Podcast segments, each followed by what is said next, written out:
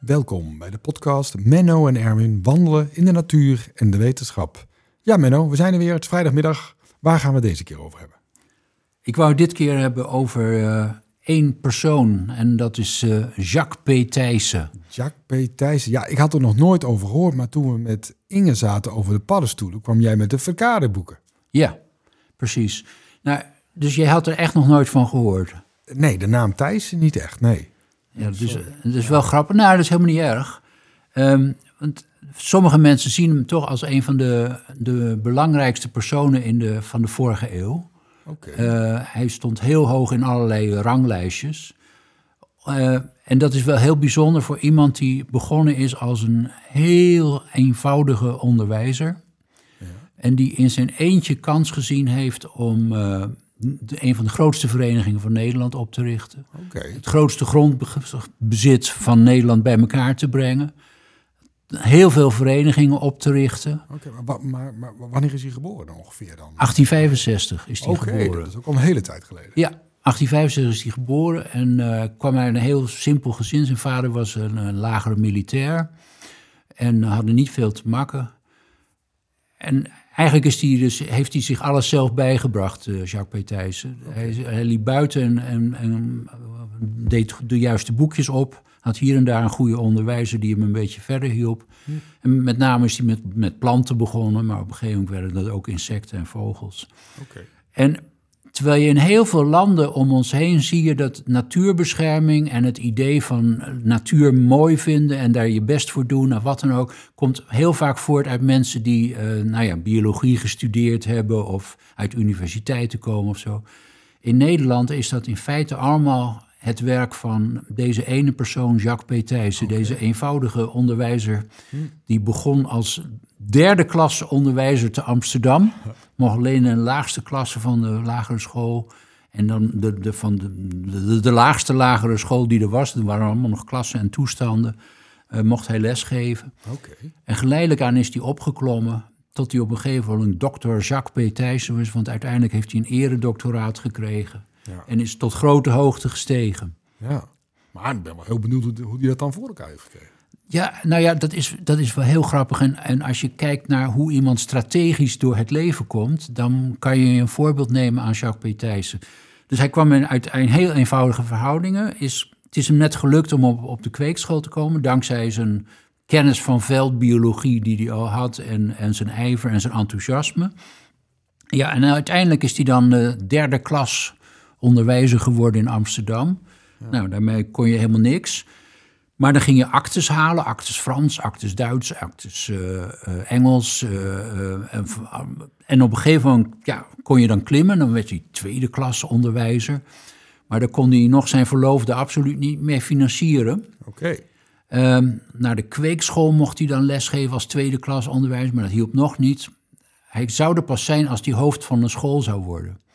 En eh, heel slim heeft hij toen allerlei mogelijkheden onderzocht. En de ene was in Sint-Petersburg, kon hij voor een Nederlandse kolonie misschien hoofdonderwijzer worden.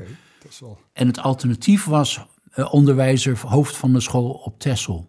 Tessel. Ah, En dat heeft hij gaan doen. En dat vond iedereen in Amsterdam eh, redelijk absurd. Want nou ja, het leven was natuurlijk Amsterdam en daar gebeurde alles. En dan naar Texel, naar een heel klein schooltje met, weet ik wat, 20, 30 leerlingen. dus daar is in 150 jaar niet veel aan veranderd. Amsterdammers denken nog steeds dat, eh, hè, toch? Dat ze de wereld zijn, absoluut. Nou ja, en dus Thijs kwam eh, terecht op Texel. Dat kende hij een beetje eh, uit, uit, uit boeken en verhalen. En nou, een verbijsterende natuurwereld, zeker toen. Ja. Ongelooflijk vogelleven, prachtige gebieden. Maar hij was ook hoofd van een school. Werd gelijk nog avondleraar op de avondschool. Nou, alles erbij. Kortom, eh, kon trouwen met zijn vrouw, want hij was nu hoofd van de school en kreeg Ja, verdiende ja. hij voldoende. Nou, helaas kon zijn vrouw niet zo goed aarden. Die, die had toch het Amsterdamse en die omgeving nodig. Dus na twee jaar zijn ze weer teruggegaan naar Amsterdam. Maar ja, daar maakte hij carrière als hoofd van een school. Ja, ja. Is boeken gaan schrijven, samen met een collega, Elie Heijmans. eh, over sloot en plas en over vlinders en vogels. Een flora gemaakt voor het hele Nederlandse volk, voor alle kinderen met heel veel tekeningetjes, heel succesvol. En op een gegeven moment gevraagd voor de Verkades-albums. Ehm, plaatjesalbums waar je, als je maar veel beschuit had, dan kon je genoeg bonnetjes of plaatjes verzamelen. Kon je inplakken.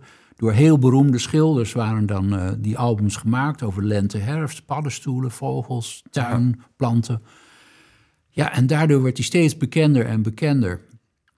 En eh, hij begon ook mooie boeken te schrijven. Het, eh, omgang met planten, het intieme leven der vogels. Ook boeken die echt wat inhoud hadden, maar allemaal gebaseerd op zijn eigen ervaringen, op zijn Ja. eigen waarnemingen. Hij was berucht om zijn hoge looptempo, want dan kon hij meer zien op stille, en dan kon hij langer stilzitten op een plek om beter te kijken.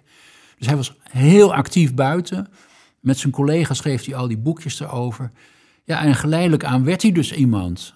Ja. En eh, hij werd gevraagd voor verenigingen, natuurverenigingen mocht hij oprichten. Maar, denk, maar denk je, Menno, dat het dan vooral kwam door die verkadeboeken? Of zeg Nou, van, nee, het is een combinatie van al die dingen. Ik bedoel, hij was een heel enthousiast onderwijzer, maar wel een heel bijzondere. Hij ging voor- vooral met de, met de kinderen naar buiten. Oh, ja. Want hij zei, één uur buiten, dat is beter dan zes uur in de klas. Ja, nou ja, dat, die verhalen horen we nu ook nog wel eens. En, Dus, eh, ja, en, en hij wist door zijn enthousiasme, wist die kinderen gewoon mee te nemen, mee te slepen. Dus dat, hij, hij werd bekend als, als een ongelooflijk enthousiasmerend iemand. ja, ja. Hij was ook wel een beetje een compromisfiguur. Hij maakte nooit ruzie, zou ik maar zeggen. nee. Maar goed, dat, dat, dat hielp hem wel. Dus hij zat in de, in de botanische vereniging, in de insectenvereniging, in de vogelbescherming. Op een gegeven moment in de, heeft hij opgericht de Nederlands Ornithologische Unie, de echte onderzoeksvereniging voor vogelkunde. Eh, heel belangrijk, eh, de Natuurhistorische Vereniging, wat we nu kennen als de KNNV, de Koninklijke Nederlandse Natuurhistorische Vereniging. Die heeft ook algemene vereniging, die bestaat nog steeds. En die soort heeft hij ook opgericht. ja, heeft hij ook opgericht. En toen op een gegeven ogenblik eh, kwam hij erachter dat een van zijn mooiste gebieden rondom Amsterdam, een van zijn mooiste vogelgebieden, het Naardermeer, dat zou door de gemeente Amsterdam zou dat bestemd worden als vuilnisbelt. Die wilde dat opkopen als, als vuilstort. Ah. En daar werd hij toen, toen was het even afgelopen met de, met de beleefdheid en, de, po- en toen werd hij echt heel boos. En toen heeft hij alles in het werk gesteld. Ten eerste om die beslissing in die gemeenteraad tegen te houden. Dat is hem gelukt. Met 18 tegen 16 is geloof ik is het verworpen dat ze daar een vuilnisbelt van gingen maken. Maar ja, toen realiseerde hij zich, dit is, dit is bedreigd gebied.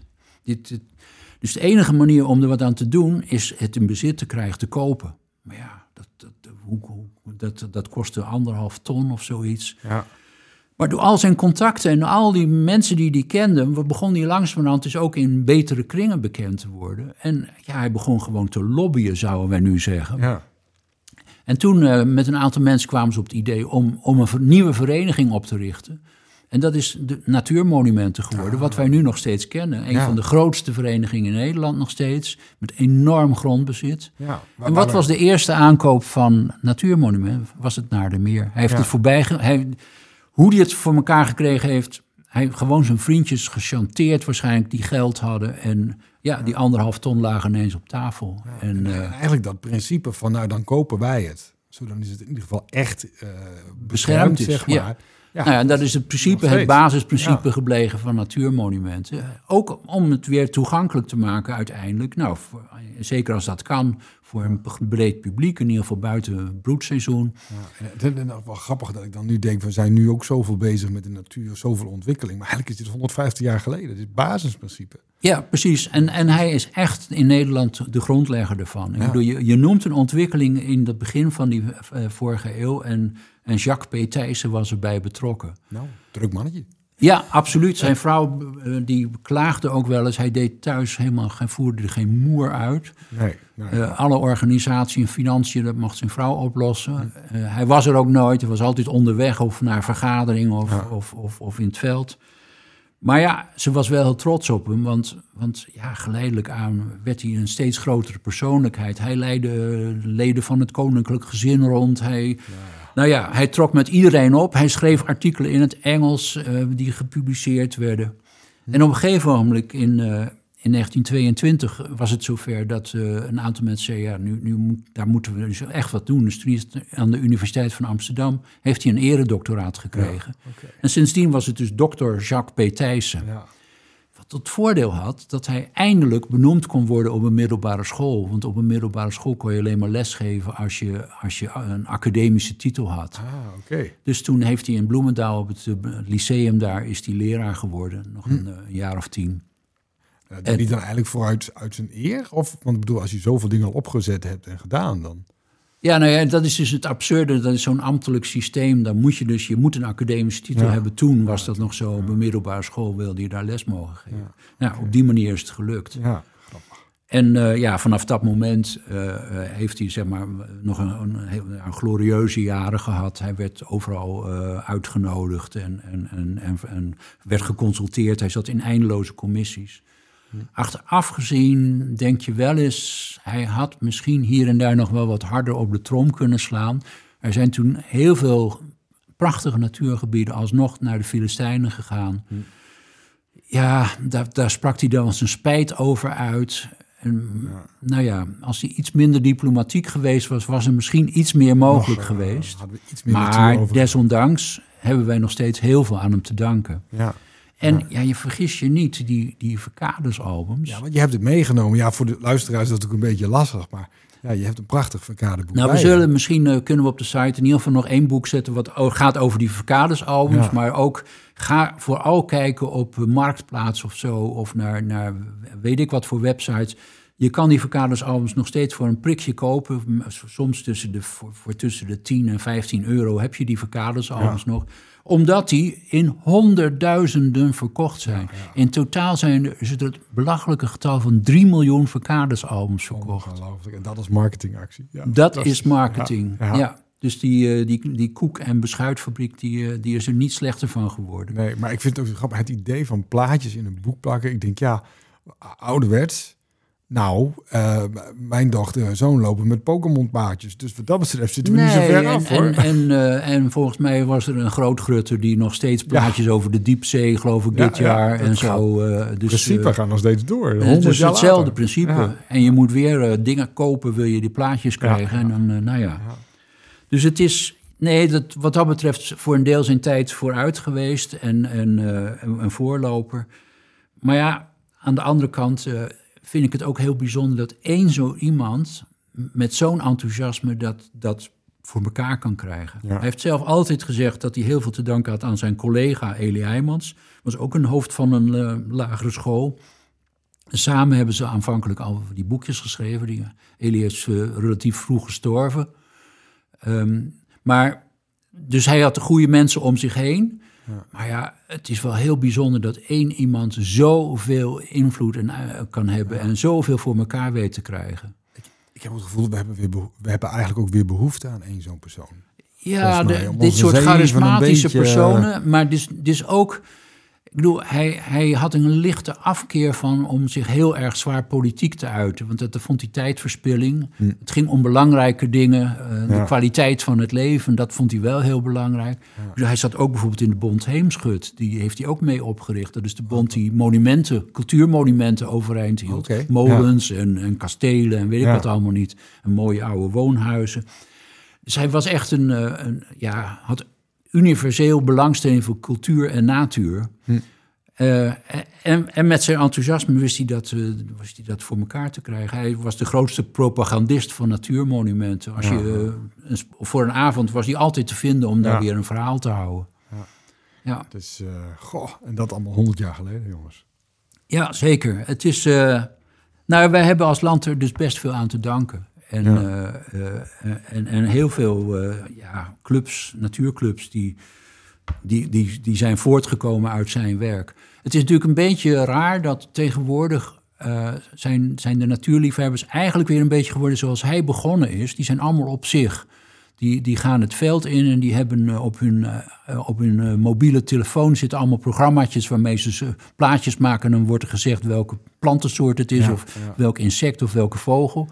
Iedereen gaat weer een beetje voor zich. Dat verenigingsgebeuren is er een beetje af. Ehm, maar ja, je moet toch af en toe wel een beetje overleg met elkaar Ja, hebben om, eh, om verder te komen. En vooral ook om, om eh, zeg maar, kennis door te geven.